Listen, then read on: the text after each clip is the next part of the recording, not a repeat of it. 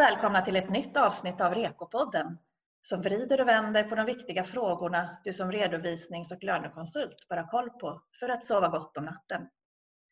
Ämnet för den här podden är kontrollbalansräkning.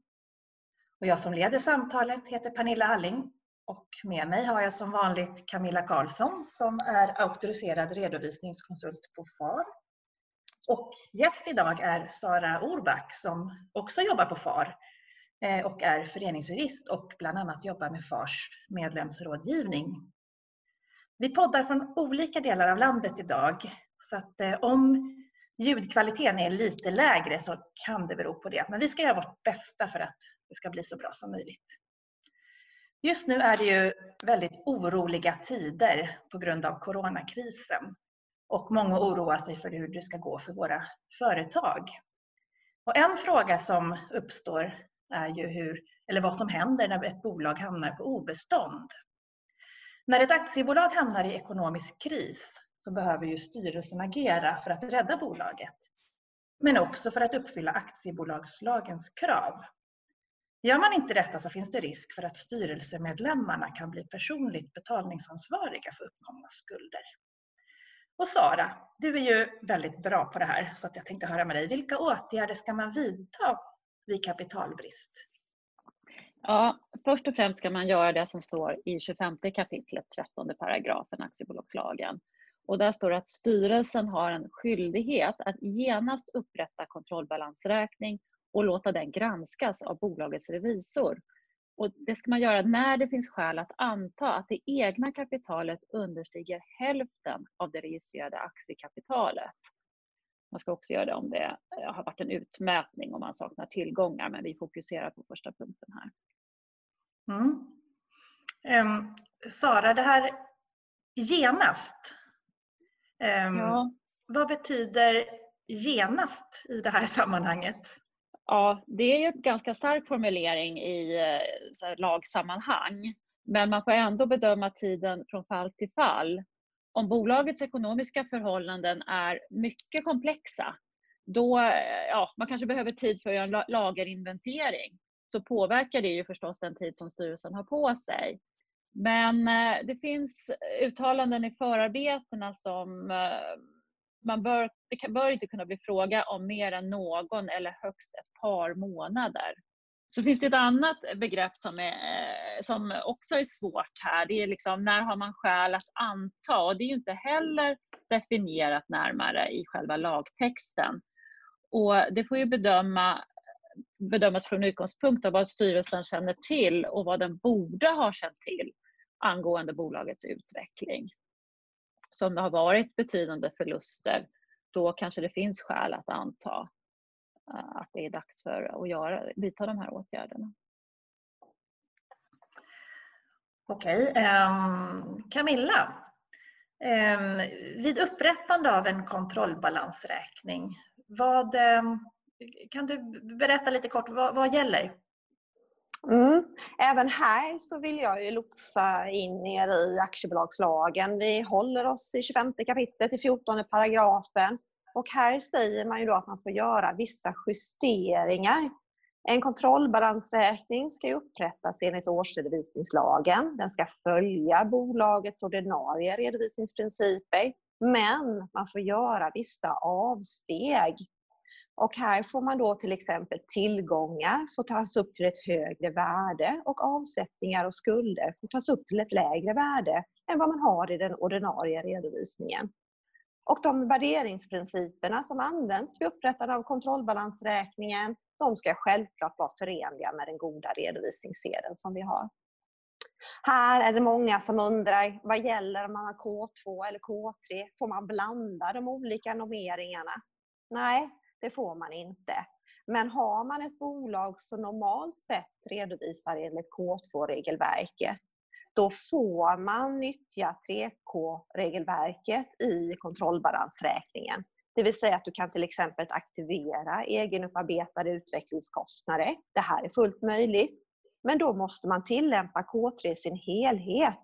Vilket också innebär att har man en fastighet så måste man göra komponentindelningar och komponentavskrivningar på fastigheten. Det man också ska tänka på är att man får bara använda reglerna som man ordinarie vis hade kunnat gjort i sin redovisning. Vilket då innebär att ett större företag har då inte möjlighet att tillämpa K2 i en kontrollbalansräkning. Men som sagt var, är man ett K2-företag och väljer att tillämpa K3 så tänk på att det är i sin helhet man måste göra det. Man får inte blanda de olika eh, normeringarna här. Finns det några bra mallar eller stöd för upprättande av kontrollbalansräkning? Ja, här har ju FAR gett ut en rekommendation om kontrollbalansräkning. Vi har ju Räddartvåan som är ett jättebra stöd. Här finns också ett exempel på hur man kan ställa upp en kontrollbalansräkning. Och här finns också angivet då de olika justeringsposterna och hur man kan nota de delarna och hur det ser ut när vi då har gjort vår kontrollbalansräkning. När vi har värderat upp vissa tillgångar till exempel. Så Ska ni göra en kontrollbalansräkning så gå gärna in i den rekommendationen som vi har om just kontrollbalansräkning. Vad säger REKO om kontrollbalansräkning, Camilla? Ja, här är det väl inget direkt uttalat i REKO egentligen, för REKO är ju en process hur man ska utföra sina redovisningstjänster. Men det som är viktigt här är ju att ofta så är det redovisningskonsulten som kanske stöter på först att bolaget är i obestånd. Om man sköter bolagets löpande redovisning, då är faktiskt du som redovisningskonsult den första som kanske ser att kapitalet är förbrukat. Och här är det då självklart viktigt att man reagerar, agerar och kommunicerar med kunden. Så att man kan hjälpa kunden att just följa aktiebolagslagen, att man upprättar en kontrollbalansräkning i tid. Mm. Men är det så att kunden då inte vill upprätta en kontrollbalansräkning, ja då hamnar vi i REK 850, rapportering om väsentliga händelser. Då måste konsulten skriva en skriftlig rapport till företagsledningen eller styrelsen och just påtala att bolaget inte följer ABL. Men det är viktigt att hela de här olika stegen, att man dokumenterar de här så man har koll på vilken kommunikation har man haft med kunden innan man just gör den här rapporten om väsentliga händelser. Mm. Och du var också inne på lite på tidsaspekten där. Vad jag förstår på dig så ska man då göra det här så fort som möjligt. Ja, det var ju precis det som Sara nämnde där uppe innan. Vad är genast egentligen? Så det, ja. det, är viktigt att man har koll hela tiden på hur bolagets resultat och ställning ser ut. Mm.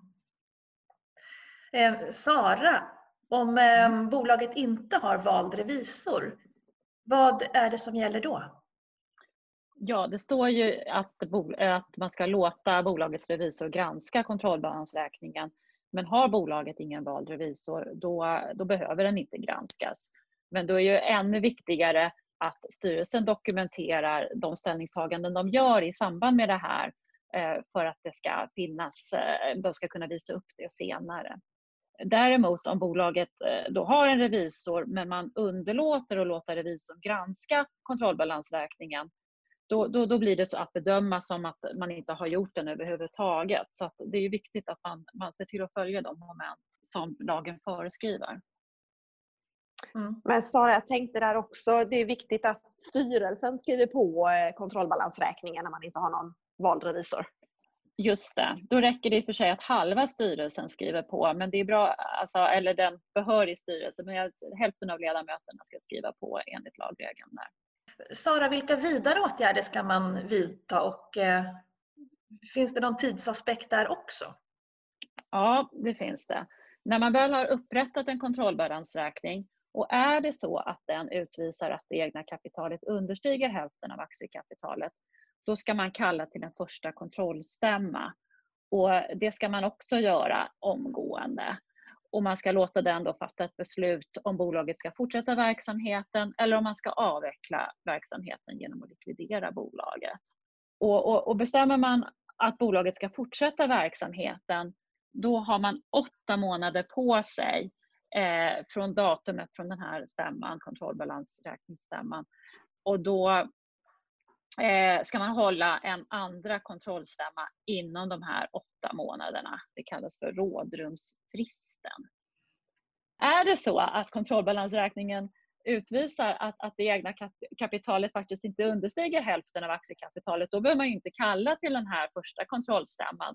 Men där igen så är det viktigt att dokumentera i ett styrelseprotokoll eh, att man, att man har gjort den här kontrollbalansräkningen, att den finns och att man har funnit att, den, att, att det egna kapitalet inte understiger hälften av aktiekapitalet så att man inte behöver kalla till den här första kontrollstämman. Men har den här eh, kontrollstämman ägt rum och det har gått åtta månader och man kallar till en andra kontrollstämma, då måste det egna kapitalet vara helt återställt. Det räcker alltså inte med bara hälften utan det ska vara helt återställt. Annars ska man, eh, stämman besluta att bolaget ska gå i likvidation. Mm. Um, vad kan man då göra för att häva en kapitalbrist? Ja, det bästa är ju om, om det visar sig att verksamheten går bättre och genererar ett överskott så att man får in de här pengarna igen. Men annars så, så kan man ju skjuta till pengar då som aktieägare antingen genom ett, ett ovillkorat eller ett villkorat aktieägartillskott. Eller man kan teckna en kapitaltäckningsgaranti då som ägare att man kommer att gå in med pengar om en viss situation inträder. Och sen eh, finns det ju även eh, mer eh, juridiska eller legala medel att ta till som en företagsrekonstruktion. Eh, man kan ju också tänka sig att man kan, om det finns utrymme att sätta ner aktiekapitalet så kan man göra det. Mm. Eh, två av de här eh, sakerna du nämnde var ovillkorat aktieägartillskott och villkorat aktieägartillskott. Ehm, kan du reda ut vad som är skillnaden mellan de här två begreppen? Mm. Ja, det ovillkorade aktieägartillskottet, då tillskjuter man pengar och, och, man investerar i bolaget och man räknar inte med att få tillbaka några pengar eh, utan det ökar istället aktieägarens anskaffningsvärde för aktierna. Medan det villkorade tillskottet det innebär att man räknar med att få tillbaka tillskottet när det finns eh, utdelningsbara medel i bolaget. Och det kan vara eh, lämpligt till exempel om, om det är flera aktieägare och det är bara en som tillskjuter pengar. Då har man kanske ett avtal sinsemellan att när det blir dags för utdelning då, då ska den, du som har skjutit till medel i första hand få tillbaka de här pengarna. Men det är ju väldigt viktigt att man inte villkorar gentemot bolaget för då blir det en skuld och inte ett, ett eh, kapitaltillskott som man tillför bolaget. Och, eh, och det, eller det blir en fordran eller ja, en skuld. Så det, det, det, hjälper inte bolaget i den här situationen. Utan det, det är en överenskommelse mellan ägarna som gör att det blir ett villkorat aktieägartillskott. Ehm, det här med personligt ansvar är ju, är ju en viktig fråga såklart för många. Ehm, vad bör jag som konsult informera Eh, min kund om? Eh, alltså, vad innebär personligt ansvar och vilka personer omfattas? Mm. Det personliga betalningsansvaret innebär att man kan bli ansvarig för bolagets skulder eh, om styrelsen inte vidtar de här åtgärderna som vi har gått igenom. Och det är ju då i första hand styrelsens ledamöter som blir ansvariga. Eh, och det är ju då om de inte låter upprätta en kontrollbalansräkning, eh, om de inte kallar till den här första kontrollstämman och senare kan även aktieägarna bli eh, ansvariga, på ett pers personligt betalningsansvariga om de vid en andra kontrollstämma deltar i ett beslut där man eh, bestämmer sig för att driva verksamheten vidare trots att kapitalet inte är återställt. Mm. Um, om om eh, jag kommer in som ny styrelseledamot, har jag då också ett personligt betalningsansvar? Mm. Det är viktigt om man går in som ny styrelseledamot att man har lite koll på situationen i bolaget. För man kan bli ansvarig för bolagets skulder även om man kommer in som ny styrelseledamot efter det att den här situationen, de här underlåtelserna har ägt rum. Och då gäller det eh, att kunna visa att man har vidtagit adekvata åtgärder för att täcka den här kapitalbristen. Till exempel att man har eh, gjort en ny emission för att få in nytt kapital i bolaget och att man sen har upprättat en eh, kontrollbalansräkning för att utvisa att kapitalet är återställt. Eh, det kan ju också sägas, det är samma sak om, om jag avgår som styrelseledamot, då undgår jag inte ansvar bara för att jag avgår. Då måste jag också kunna vidta att jag, eller visa att jag har vidtagit adekvata åtgärder för att bolaget inte skulle hamna i den här situationen till att börja med.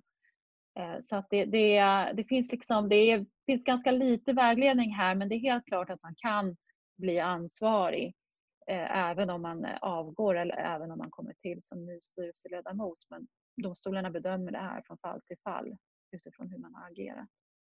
Camilla, du har ju kontakt med många medlemmar och eh, vad får du, ja vad ska man som konsult tänka på? Vad får du för frågor kring sånt här? Det första jag tycker som är viktigt att tänka på det är ju precis det här som Sara säger nu om vilket ansvar som styrelsen har.